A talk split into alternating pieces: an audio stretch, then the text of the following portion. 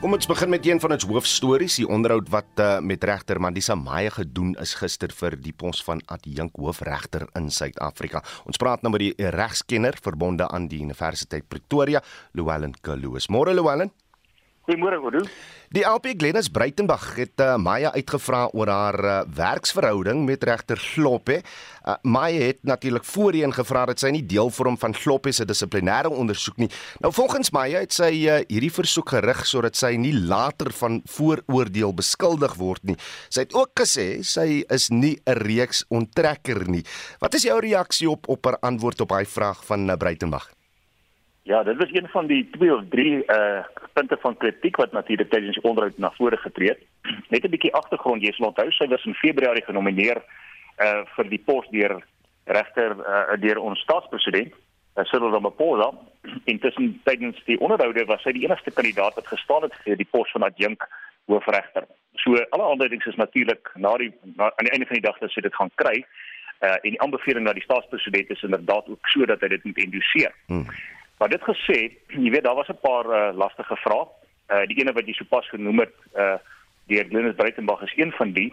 Uh ja, natuurlik, dit is so as jy jouself gekomplimenteer voel en jy dink jy is nie onafhanklik uh genoeg om voor te sit uh, op so 'n tribunaal nie, dan moet jy jou onttrek. So dink dit is die regte ding genaag gewees om dit openbaar ten minste.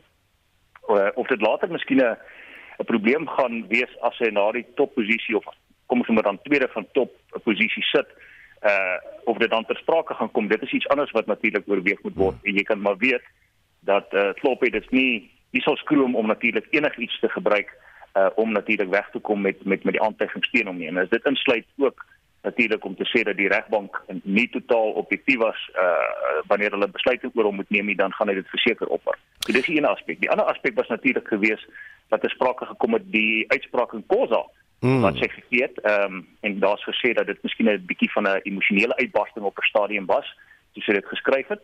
Maar terselfdertyd is daar natuurlik die mense wat sê, jy weet, dis die eerste vrou wat dit uh, wel die eerste persoon in Suid-Afrika wat in enige ander landstaal as Afrikaans en Engels 'n behoorlike regsuitspraak geskryf het en dit is 'n progressiewe ding in die regte rigting. Mm. Stap in die regte rigting.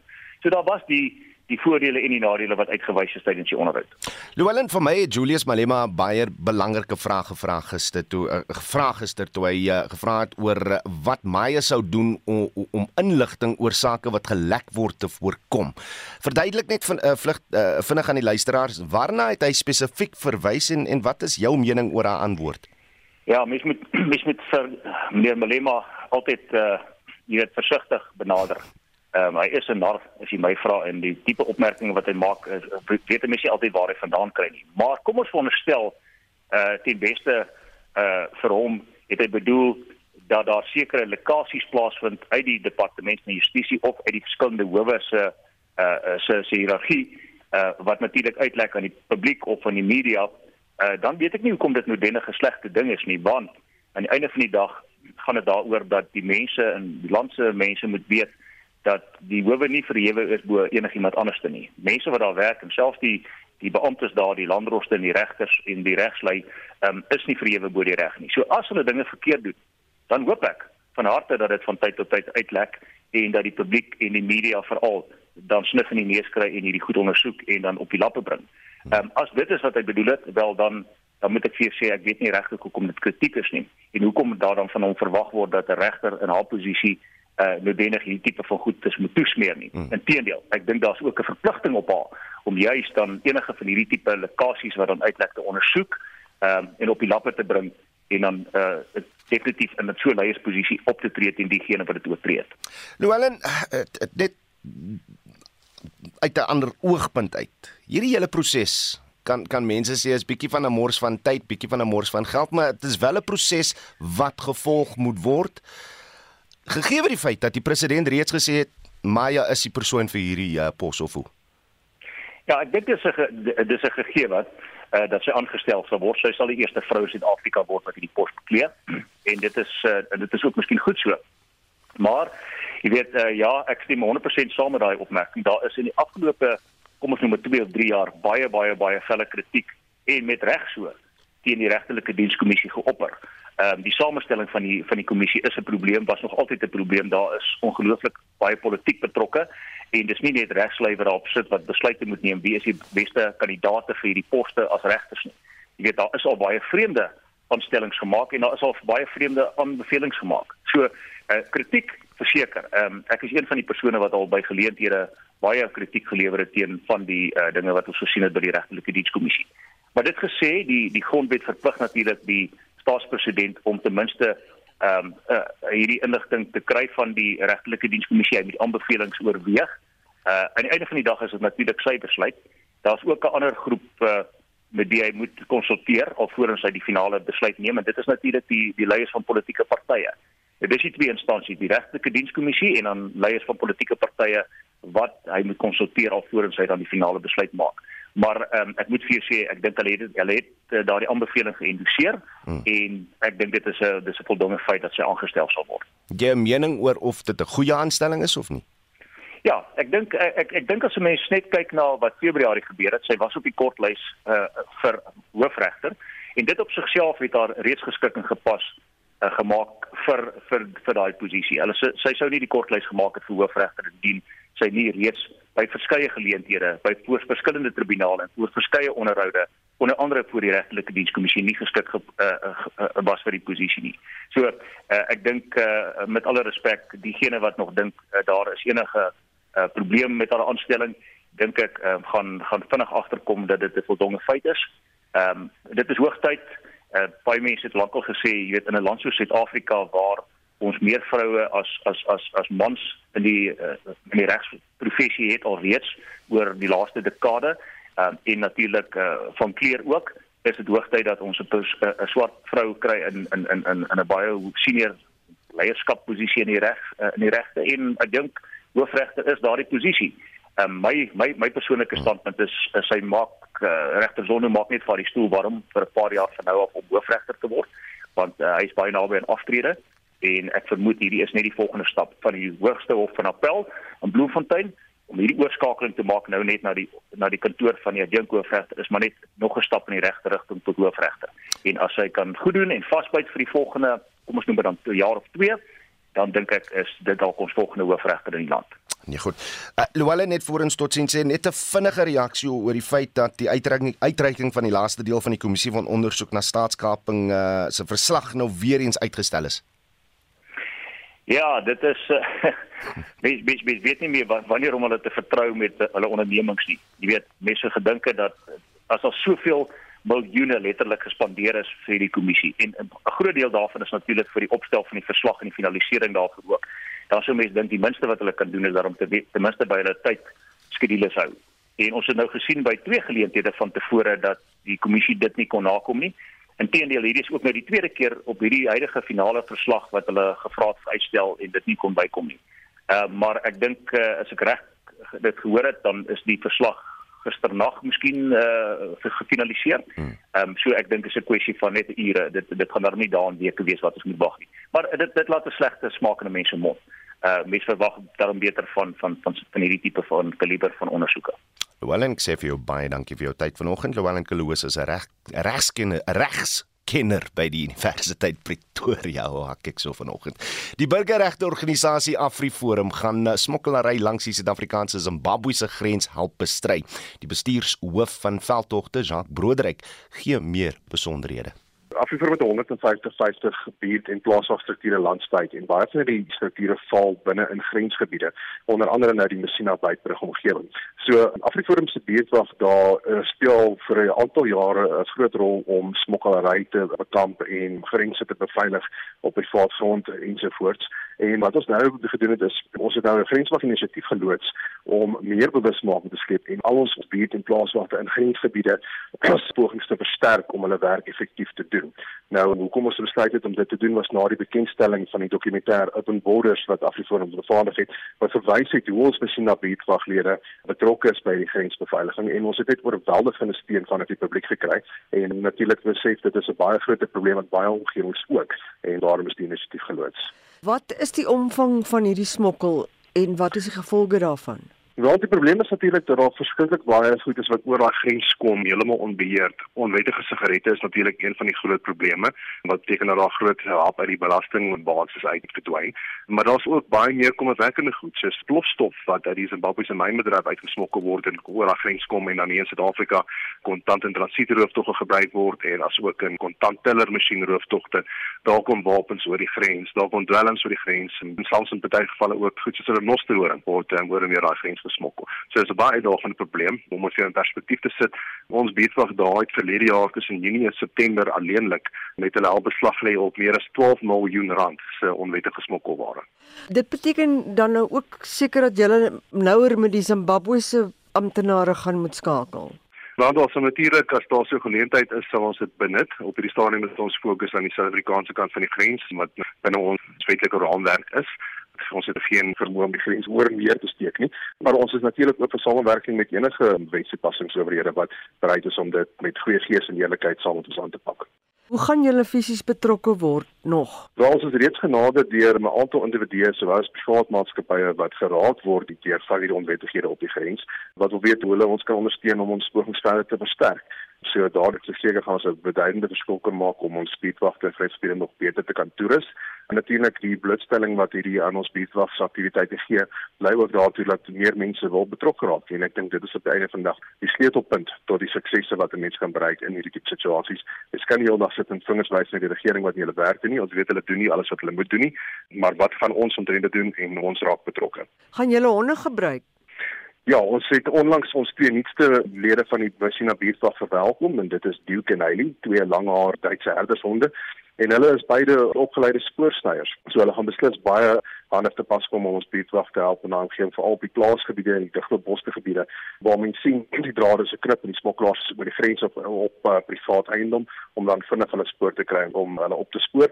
En natuurlik die hoek is ook spesifiek opgelei om te kan snuffel vir dwelms, ook vir vuurwapens en hy kan ingespan word uh, saam met wetse passers oor hier natuurlik om padblokkades te beman in daai gebied.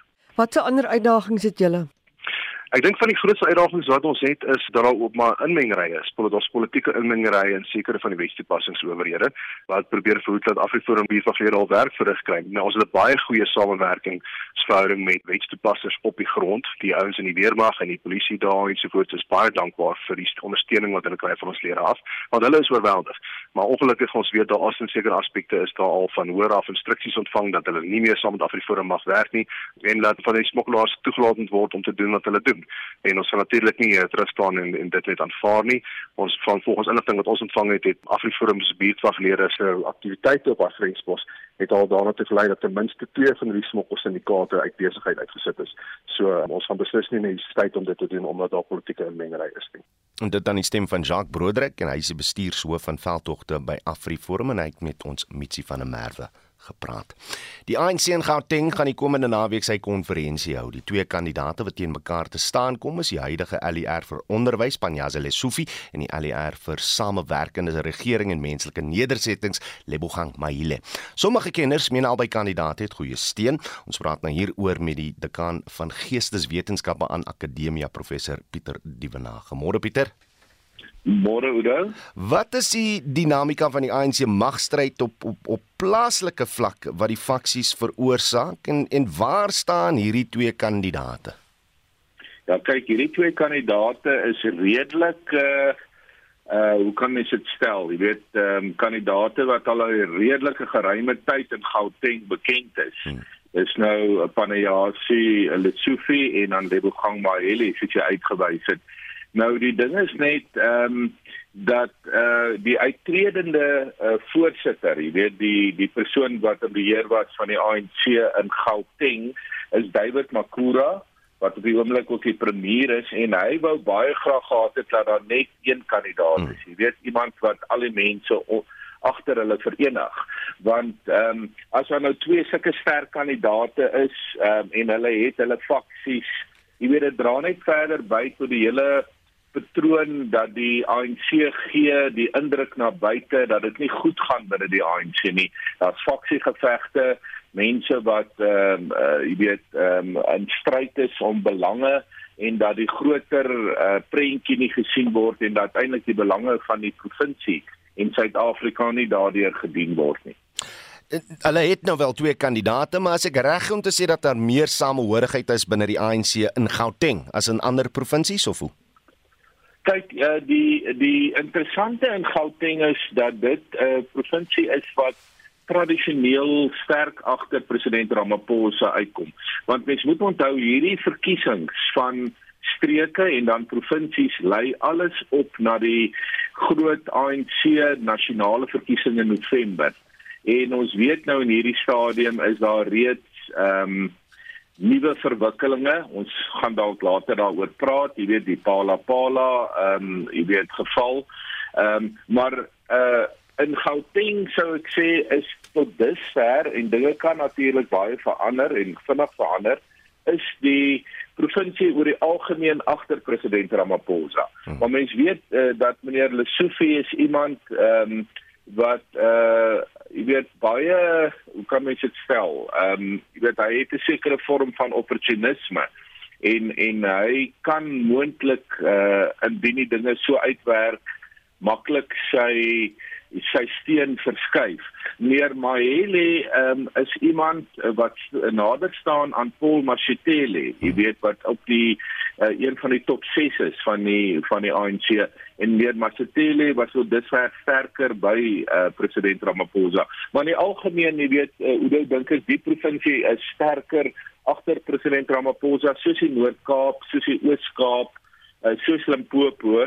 Ehm um, mense sal moet kyk wat gebeur in ander invloedryke provinsies binne die ANC so soos byvoorbeeld KwaZulu-Natal hmm. uh, en Mpumalanga en uh, Noordwes en die Vrystaat. Kyk, daai verkiesings moet nog plaasvind met die met die hele proses wat na November lê. Pieter, in so 'n minuut, kom ons kom by daai vraag uit hmm. oor Palapala uh en die skandaal ja. en en of dit die president seer gaan maak in sy kans om 'n tweede termyn te te kan uitdien kyk uh, gelukkig het hy al reeds Noord-Kaap agter hom en uh Oos-Kaap um, en um, en Limpopo en ek dink hier in uh, Gauteng gaan daar ook nie eintlik vir hom probleme wees nie alhoewel daar nou onverkwikkelike magstryd is tussen Mahele en Lesofie. Hmm. Uh en natuurlik binne die Afrikaanse wêreld is Lesofie 'n tipe van 'n jy weet 'n figuur wat nie baie ehm um, gewild is nie van weer Afrikaanse skole en wat hy alles al wil doen, maar dis nou net op die kantlyn.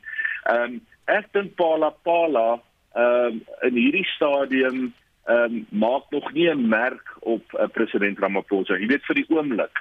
Maar gestel nou dit kan negatief gaan vir president Ramaphosa, dan kan jy probleme vir hom voorsien vorentoe. Maar dit is vir my nie die geval soos in 2008-9 waar die faksie teen president Mbeki het duidelike kandidaat gehad, weet hmm. oud president Zuma. In hierdie geval kom daar niemand na vore uh wat die sogenaamde RET faksie, die radikale ekonomiese transformasie faksie ehm um, monster as dit is ons kandidaat teen president Ramaphosa nie en dit gee daai faksie ook uh, probleme met die met die hele stryd wat lê nou na November, jy weet interessante punt om mee te sluit en daar het ons gepraat met die dekaan van Geesteswetenskappe aan Akademia professor Pieter Dievenage. Ek sê vir jou baie dankie vir jou tyd. Monitor jou oggendnuusprogram op RSG. 6:31 in die hoofnuus gebeure. Eers word die Mpofu dam amptelik buite diens gestel en nou loop die Churchill dam byna leeg en spraak met die nasionale departement oor die Oos-Kaapse voortsleepende waterkrisis.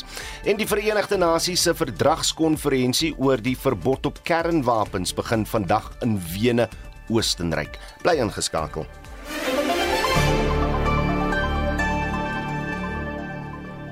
Daar is geen verkeer. Die jongste verkeer In Gauteng in Johannesburg staan daar 'n vragmotor op die N1 Suid net na Nieuwweg en die regterbaan is versper. Op die N12 Oos net na Edenvale weg staan daar 'n vragmotor en die linkerbaan is versper. In KwaZulu-Natal op die N3 Oos is daar 'n ongeluk by die Catto Ridge wisselaar en twee bane is versper. As jy op enige verkeersnuus afkom, stuur 'n SMS na 45889 en dit sal jou R1.50 kos.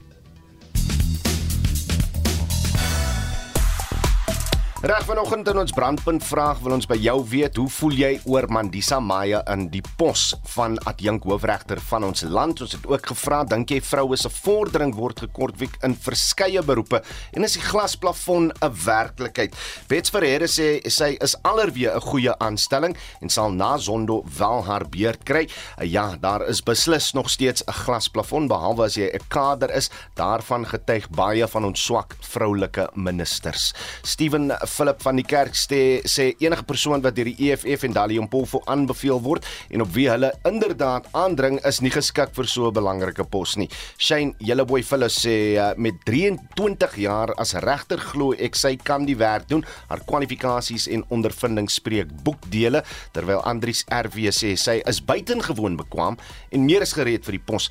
Daar was geen rede om regter Zondo oor te slaan nie. Sy sal haar beurt as hoofregter kry. Stuur gerus vir ons nog van julle SMS'e na 45889. Dit kos jou R1.50 per boodskap of praat saam op ons Monitor en Spectrum Facebook bladsy. Stuur gerus vir ons ook 'n uh, stemnota op WhatsApp na 076 536 6961. Regsjon Jooste sluit nou by ons aan vir die jongste sportnuus. Môre, Jon. Goeiemôre Oudo. Ons begin met nuus uit Banyana Banyana se kamp daar in die afrigter Desiree Ellis het nou 'n spelersgroep van 26 bekend gemaak, maar waar gaan hulle kompeteer en teen wie speel ons?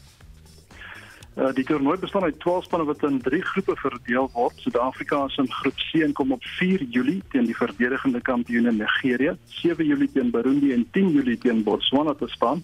'n Bekende name soos Rafael Wejane, Tembe Kgatlana en Janine van Wyk is in die groep ingesluit. Suid-Afrika het tweede in 2018 geëindig en die toernooi vind tussen 2 en 23 Julie in Marokko plaas. As hy en dis na die Afrika Nasies beker. As ek SA rugby of SA rugby het die datums uh, in tye vir die naweek se Karibeker en eerste liga eindstryde bekend gemaak. Ja, die eerste liga eindstryd begin Vrydagmiddag 2 uur in Welkom tussen die Griffins en Oostelike Provinsie met Stefan Geldenhuys die skeieregter en in Saterdag se Karibeker eindstryd met Griekwas 3 uur die middag. Dit is in Kimberley by Windhoek Draft Park teen die Pumas kragte en Quinjile Jadazweni blaas die vletjie in daardie wedstryd. Uh, na die Kanadese Grand Prix, ja, rek Max Verstappen van Nederland sy voorsprong na 46 punte na 9 rondes. Hoe vaar sy teenstanders? Ja, die Red Bull renjaer nou 175 punte agter sy naam. Sy spanmaat Sergio Perez van Mexico is tweede op 129 en Ferrari se Charles Leclerc van Monaco is derde nou op 126 punte. Die top 3 vervaardigers is Red Bull op 304, Ferrari op 228 en Mercedes op 188 punte. Die Fransman Fabio Quartararo ook besig om 'n redelike gaping tussen hom en, en homself en die res van die MotoGP reeks te skep, maar ek sien uh, ons eie Brad Binder reis nou onder die top 5. Ja, Quartararo het 172 punte bymekaar gemaak na 10 rondes. Die Spanjaard Aleix Espargaro was tweede op 138 en nog 'n Fransman, Johan Zarco, derde op 111 punte. Binder is nou vyfde op 82 punte en sy broer Darren is 21ste. En laastens is daar 'n beweging onder die top 3 mans golfspelers, maar die Suid-Afrikaners, hulle sak bietjie verder terug, amper soos hulle gemaak het eh, nou in die die die fees oop oor die naweek. Ja nee. Die Amerikaner Scottie Scheffler bly nommer 1. Rory McIlroy van Noord-Ierland is nou tweede en die Spanjaard Gon Ram skuif terug na die derde plek toe. Suid-Afrika se Louis Oosthuizen is 23ste, Christian Besuit net 68ste en Shaun Norris val met 7 plekke na 76ste. En nou loop dit sê die live golf uitdagreeks het intussen aangekondig dat hulle aansoek gedoen het om deel te vorm van die wêreldranglysstelsel. Nou spelers ontvang eintlik geen wêreldranglyspunte wanneer hulle aan die reeks deelneem nie. Nou, so goed dop hoe daai versoek gaan uitwerk. Dit was Shaun Jooste van ons sportredaksie. Dinsdag in 360. Jakob Jordaan vertel van die Land Rover Owners Club, die oudste 4x4 klub in die land en die oudste Land Rover eienaarsklub ter wêreld. Shaal en Marianne de Tooi het 'n lig lewe filosofie. Hulle het al hulle goed verkoop, werke bedank en met drie kinders begin toer. 6 maande deur die FSA en Argentinië met 'n campervan. En Heidi Miller Isaacs ontmoet Auntie Dolly Nailer van Mamasbury wat vir haar die lekkerste storie vertel oor haar grootword daar in die Swartland van ertjies pluk en hoe sy vandag steeds mense voer. 360 saam met Johan Rademan en Martelies Brink. Weekdae tussen 1 en 3 net hier op RSG.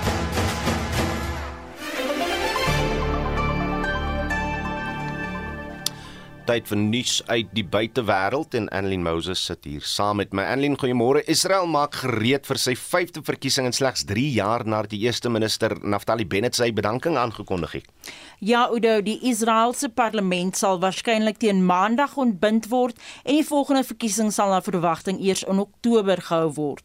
Die BBC se Mike Thompson doen verslag. The drama comes after Prime Minister Bennett and Foreign Minister Yair Lapid had failed to stabilise their increasingly fragile governing coalition, which had been without a parliamentary majority for more than two months. In the meantime, Mr Lapid will serve as caretaker Prime Minister. He said he won't wait for the elections to tackle the many challenges facing his country, from the rising cost of living to dealing with Iran and the militant groups Hamas and Hezbollah. Dit was die BBC se Mike Thompson. Sien die Suid-Afrikaanse gebore miljarder eh, Elon Musk se transgender dogter het 'n versoek gerig om haar naam te verander in ooreenstemming met haar nuwe genderidentiteit.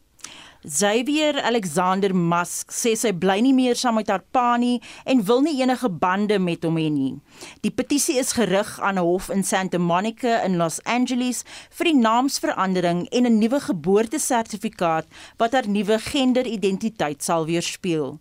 Musk wat in April 18 jaar oud geword het, wil voortaan as Vivian Jenner Wilson bekend staan. As hy en dan het die medewenner van die Nobelprys vir vrede in 2021 en die laaste redakteur van Rusland se grootste onafhanklike koerant Dmitri Muratov se sy prys opgeveil. Hoekom dan nou? Ja, die Nobelprys is vir 'n rekordbedrag van 103,5 miljoen dollar opgeveil en die geld sal gebruik word om kinders te help wat deur die oorlog in Oekraïne ontheem is. Muratov se Novaya Gazeta koerant, wat krities was oor president Vladimir Putin, het sy werksamehede gestaak na dreigemente van die Russiese regering.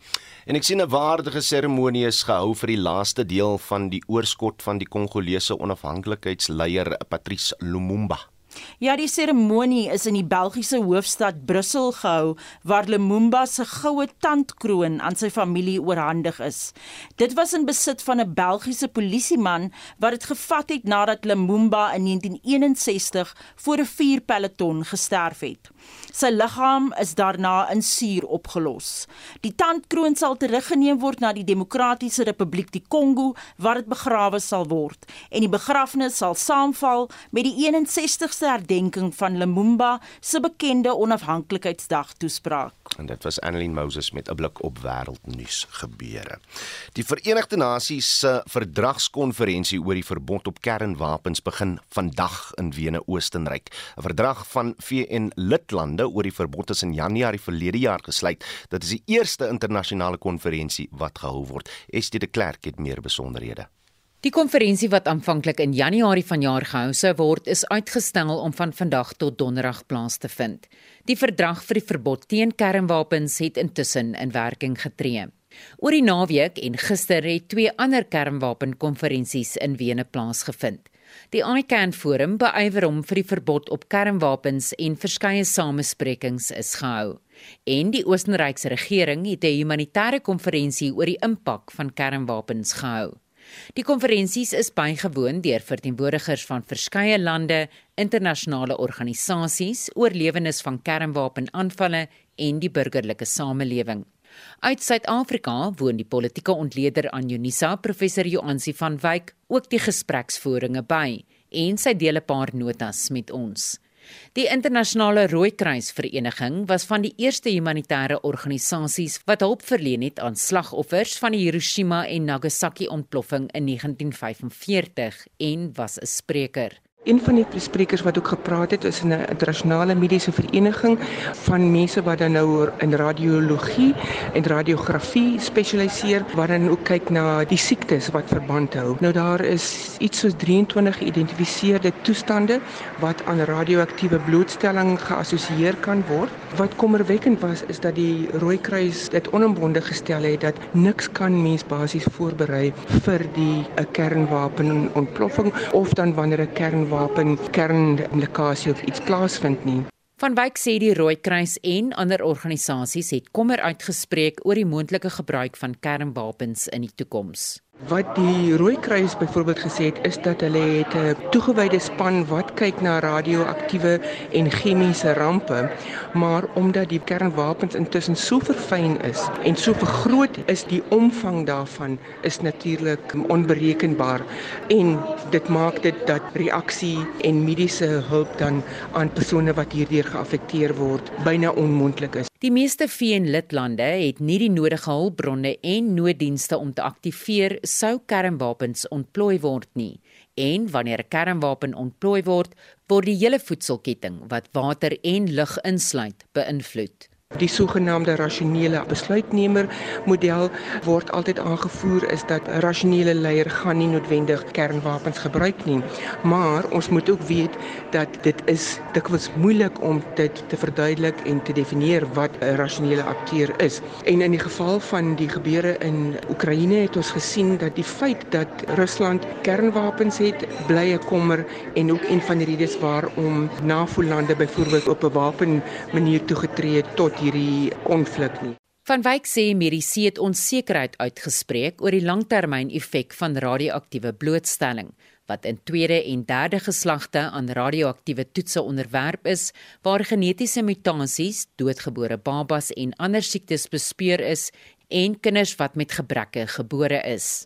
Nou hierdie is 'n baie omstrede artikel, buiten dat die verdrag kernwapens totaal en al verbied, met ander woorde eintlik dan die besit daarvan kriminaliseer, is een van die belangrike goed dan die kompensasie en die rehabilitasie van die omgewing wat moet plaasvind. Maar die rehabilitasie van die omgewing kos geld en aanspreeklikheid moet aanvaar word voordat dit betaal word. Die koste daarin verbonde is geweldig hoog en in die geval van die Marshall-eilande het die spreker van Mikronesië dan nou ook gesê dat die Franse het vir 'n lang tyd ontken dat hulle hierdie toetse gedoen het en natuurlik ook hulle het nie data beskikbaar gestel oor die impak hiervan nie en dit het natuurlik nou ook gevolge vir die mediese bewyse wat dan voorgelê kan word en die Franse is natuurlik baie halstarrig om nie noodwendig hulle impak op en hulle aandeel in hierdie tyd te erken nie want dit gaan dan geweldig ernstige finansiële gevolge hê. Dis die politieke ontleder aan Unisa professor Joansi van Wyk. Ek is Estie de Klerk vir SAK nuus. Die onlangse reën in dele van die Oos-Kaap was nie genoeg om 'n noemenswaardige verskil aan die provinsie se lae damvlakke te maak nie.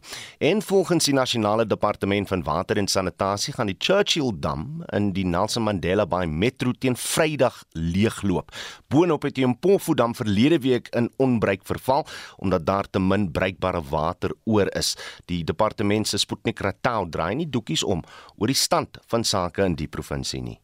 The situation is dire. As we all know, we haven't had sufficient rainfall in some parts of the Eastern Cape, but particularly both the Algoa and the Amatole water supply systems have really not seen that much of a recharge. The Algoa water supply system is responsible for feeding mainly your Nelson Mandela Bay metropolitan municipality and other areas is obviously very way down with the dams that feed that supply system. We have seen dam levels almost in the single digits. Ratau sê owerhede werk aan metodes om die Impofu dam so gou moontlik weer in werking te stel. So when you look at the Impofu dam, what we are doing is to move the budgets around in the dam itself so that they go to areas where more water is still available. Volgens Ratau staan die damme wat water aan Kweberga, Kariga, Dispatch en Colchester voorsien, tans op gesamentlik 11,9%.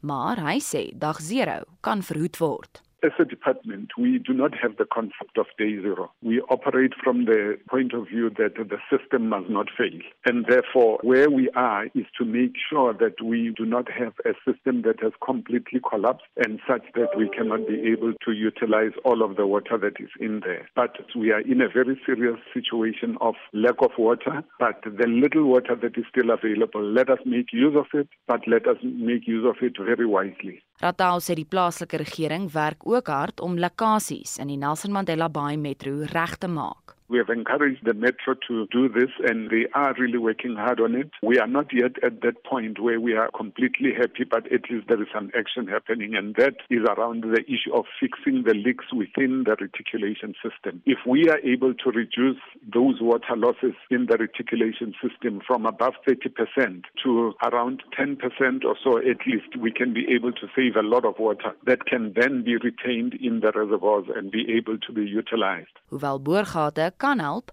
sê Ratao, is dit nie noodwendig so eenvoudig nie. Drilling a borehole is a science, so you need to understand the table, how the water flows. You need to understand where your best chances of finding water would be. And then you are able to drill. Sometimes you may not even find that water, or you might find that it is so deep that it becomes a huge amount of expense to be able to go in there. Remember that where we have not had significant rains, the groundwater level would also be not so significant in a lot of areas. And therefore, we have to be very, very careful as to where we drill those boreholes and how much water we can be able to get out of there. But also making sure that the quality of that water is such that we can bring it to usable levels. Hy sê almal het 'n rol om te speel. What we would want to see is cooperation between ourselves as government, including province, but also working together with all the clients from the households to businesses to industry that what is most critical is to reduce consumption. If we can reduce consumption and the metro can be able to reduce the demand by about 50 megaliters per day, we have a very good chance of averting taps running dry. Dit was die woordvoerder vir die departement van water en sanitasie, Sputnik Ratal. Ek is Jean Marie Verhoef vir SAK nuus. Ons bly by nuus uit die provinsie. Toegang tot doeltreffende onderrig bly vir baie Oos-Kaapse kinders wat aan outisme ly slegs 'n droom. 'n Die regeringsorganisasie in die provinsie Autism Matters het hulle kommer oor die gebrek aan spesiale skole en onderwysers met die Oos-Kaapse Onderwysdepartement gedeel. Vincent Mofokeng het meer besonderhede. Autisme is 'n spektrumafwyking wat kinders verskillend affekteer. Vir baie kinders met outisme lyk die toekoms redelik bleek omdat hulle sukkel om toegang tot gespesialiseerde skole te kry. Die stigter van Autism Matters, Nobathembu Kosho, sê die gebrek aan ondersteuning en aandag deur owerhede is 'n skending van kinders met outisme se grondwetlike regte we were thinking maybe by sitting with these departments, writing them those memorandums, they will come up with something that says we'll try our best, maybe in each location in the district, to have its own ASD school. But it's not like that because now we are being promised of a school that will be in Maryvale, which is far from our co-locations. You look at the colored areas as well, the school is still far. So the parents will have to now pop up money for the transport. And also, it's not like these schools are free. That's the most of the challenge that these schools are not free. Parents they still need to pay for these schools. Die organisasie Equal Education sê die regering sleep sy voete om die kwaliteit van skole in die provinsie se platteland te verbeter. Die adjunkdirekteur van Equal Education, Robin Beer. Our government needs to do two things in my mind. First of all, it needs to put some financial commitment behind the expansion of inclusive education. Which means they must make sure that ordinary schools are able to accommodate learners with disabilities, including autism, in an ordinary classroom by putting the support in place that's necessary. That is the only way we're going to ensure that every child is able to access school. Pierre sê die situasie het ook erge ekonomiese gevolge vir gesinne omdat ouers soms verplig is om hulle werk te los om na hulle kinders om te sien. So it has huge economic consequences for a family. And families are also in communities where they face a lot of stigma. So there's a real need to support families, not only by helping them to find placement, but also by increasing activities around awareness raising around disability. Die Oos-Kaapse Onderwysdepartement sê planne is in plek om meer skole te bou en spesialisonderwysers aan te stel vir die onderrig van autistiese kinders. Die departement se woordvoerder, Malobongwe Mtima. The department is collaborating with stakeholders to ensure that all educators in our school receive training in how to manage learners on the autism spectrum. In the 2021-22 budget year, 120 educators received a five-day hands-on training by Autism South Africa. An additional 120 educators will receive a five-day training during the uh, July holidays this year.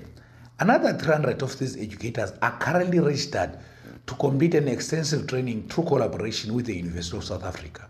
Volgens 'n onlangse studie word 2% van alle Suid-Afrikaners deur outisme geraak. Die verslag deur Lando Nomoyi in Gebega. Ek is Vincent Mufokeng vir SAI Garnis. Inwoners van Soweto suid van Johannesburg het Eskom gevra om die voortdurende kragonderbrekings in die township te staak. Ontevrede inwoners het gister die strate ingevaar om teen swak dienslewering te betoog. Hulle het ook verskeie hoofpaaie in die gebied versper. Anne Marie Jansen van Vierenburg. Honderde inwoners van Soweto het betoog teen swak dienslewering in die gebied. Jabi Nontekolo sê hulle is moeg vir gedurende kragonderbrekings. We've had this problem of electricity for a very long time here in Soweto, especially here in Soweto. So the people now they are enough. This is the first time we're doing this. This is a really first time that people are enough of this problem. That is why we came out here in our numbers to protest to ESCOM to stop always giving us a problem with electricity. We've had these grievances for a very long time. So now people are very angry about that. Sy sê inwoners sal vandag na die kantoor van die Johannesburgse burgemeester, Mpho Paglatse gaan om 'n griefskrif aan haar te rig. We are going to have a very shutdown here in Soweto. We are going to the mayor's office to voice more grievances because we are enough. We are tired. We are the people of South Africa. We are the people who fought for freedom. We are the people who fought in 1976 for people to have freedom. But we are the people who are suffering right now. We are suffering. Everybody knows we are suffering. Die Johannesburgse LER vir infrastruktuur, Michael San, sê die stad probeer om 'n ooreenkoms tussen Eskom en die Soweto inwoners te bewerkstellig. In this case, where ESCOM is requesting for a 6,000 Rand reconnection fee before they will connect the residents and provide electricity, neither City Power nor the City of Joburg has any say in such decisions. I, in fact, had a meeting with the acting CEO of City Power this morning and requested that the City Power once again approach ESCOM for another meeting so that we can facilitate any engagement between ESCOM and the residents of Soweto that are affected. We hope that through the continuously knocking on ESCOM's door, ESCOM will understand the plight being faced by our residents. Die verslag is saamgestel deur Sashin Naidu. Ek is Anne Marie Jansen van Vuren vir SAK nuus. Honderde mynwerkers wat lede is van Nomsa het begin staak by die Impala Platinum myn in Rustenburg in die Noordwes. Werkers eis onder meer 'n leefbare inkomste, behuisingsvoordeel en 'n mediese fonds. Hulle sê hulle bly weg van die werk tot daar aan die eise voldoen word. Die werkers betoog om beter werksomstandighede. Hulle is in diens van 'n aantal subkontrakteurs van die Impala Platinum myn en eis 'n maandelikse salaris van R12500, 'n vervoertoelaag en 'n mediese fonds. Hulle sê hulle word te min betaal vir dieselfde hoeveelheid werk as wat permanente werkers doen. Nna ke gola 5000 ke le so ke le ke ma engineer mechanic engineering I'm earning 5,000 rand and I have been working as a mechanical engineer. And when I say I want more money, they say to me if I don't want to work, I must leave. We are working, but our salaries are too little because our employers are robbing us. We want our medical aid to at least include our children.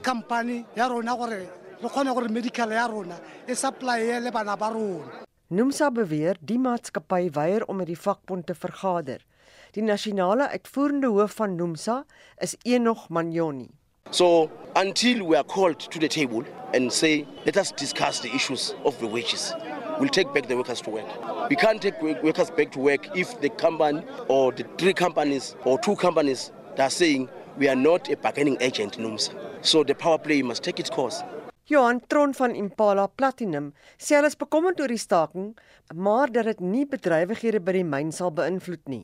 The strike has no legal bearing on Impala and likely to have limited impact as these services can easily be provided from other resources. However, we are deeply concerned about workers putting their livelihoods at risk to principally advance union interests and are working with all other stakeholders to find a legal and sustainable resolution to the impasse. Hoewel Nomsa die dispuut vinnig wil bylê, sê werkers hulle sal aanhou staak totdat daaraan hulle eise voldoen word.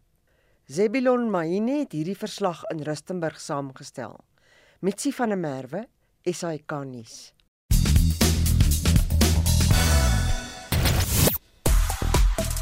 In die jongste verkeer in Gauteng en Johannesburg staan daar 'n vragmotor op die N1 Suid net na Nieuweg en die regterbaan is versper. In KwaZulu-Natal op die N3 Oos uh, is daar 'n ongeluk op die Cato Ridge wisselaar en die twee bane is nog steeds versper daar. As jy op enige verkeersnuus afkom, stuur 'n SMS na 45889 en dit sal jou R1.50 kos. Ek is Bianca Olifant met die verkeersnuus op Monitor. Reg ons brandpunt vraag vanoggend net om julle te herinner praat ons of vra ons liewer vir oggend uh, dink jy Mandisa Maya is geskik vir die pos van adjunk hoofregter in Suid-Afrika? Glo jy sy moes die posisie van hoofregter uh, Raymond Zondo uh, gekry het? En dink jy vroue se vordering word gekortwiek in verskeie beroepe en is die glasplafon 'n werklikheid? Kom ons kyk wat julle te sê het op die SMS lyn Dani Jakob sê ek weet niks van haar af nie maar onder hoofregter Zondo se leiding kan daar nie veel verkeerd gaan nie. My vrou het weens haar vorige werk met regter Zondo te doen ge gekry. Hy is werklik 'n nederige en besondere mens. Dan sê Johan Eberson sy is al vir 23 jaar 'n regter. Jy kan nie meer bekwam uh, wees as dit nie. Hannes Engelbrecht sê ek sou advokaat Kate Hofmeyer daar wou sien. Maya sou my tweede keuse gewees het, maar nou ja. En dan sê Jean Smith indien hulle nie vanuit die ANC geleedere kom nie, glo ek hulle sal eerlik wees, maar aanbevelings uit ANC of EFF sal ek nie goedkeur nie. Stuur gerus nog van julle SMS'e na 45889. Dit kos jou R1.50 per boodskap. Praat saam op ons Monitor en Spectrum Facebook bladsy of stuur 'n WhatsApp stemnota na 076 536 6961. In sosiale media In Gauteng is 'n 41-jarige man in hegtenis geneem omdat hy die naweek na bewering 215 km per uur op die N1 Suid Hoofweg in 'n silwer Mercedes-Benz G63 gery het. Die bestuurder het beweer dat hy van die kapers weggery het. Mense praat hieroor onder die hitsmerk Gauteng. Hmm, as dan die kapers is, is tronkstraf asseblief. Onthou vorige uitsendings van monitors op ons RSG webblad as potgooi beskikbaar. Gaan net na www.rsg.co.za. Dan groet ons namens ons uitvoerende regisseur Nicoline de Wee, die redakteur vanoggend is Jean-Marie Verhoef en die produksie. Ek het nou gesê Jean Joan Marie verhoef en die produksieregisseur is Frikkie Wallis. Ek is Oudo Karels. Môreoggend weer terug met julle op Monitor. Totsiens.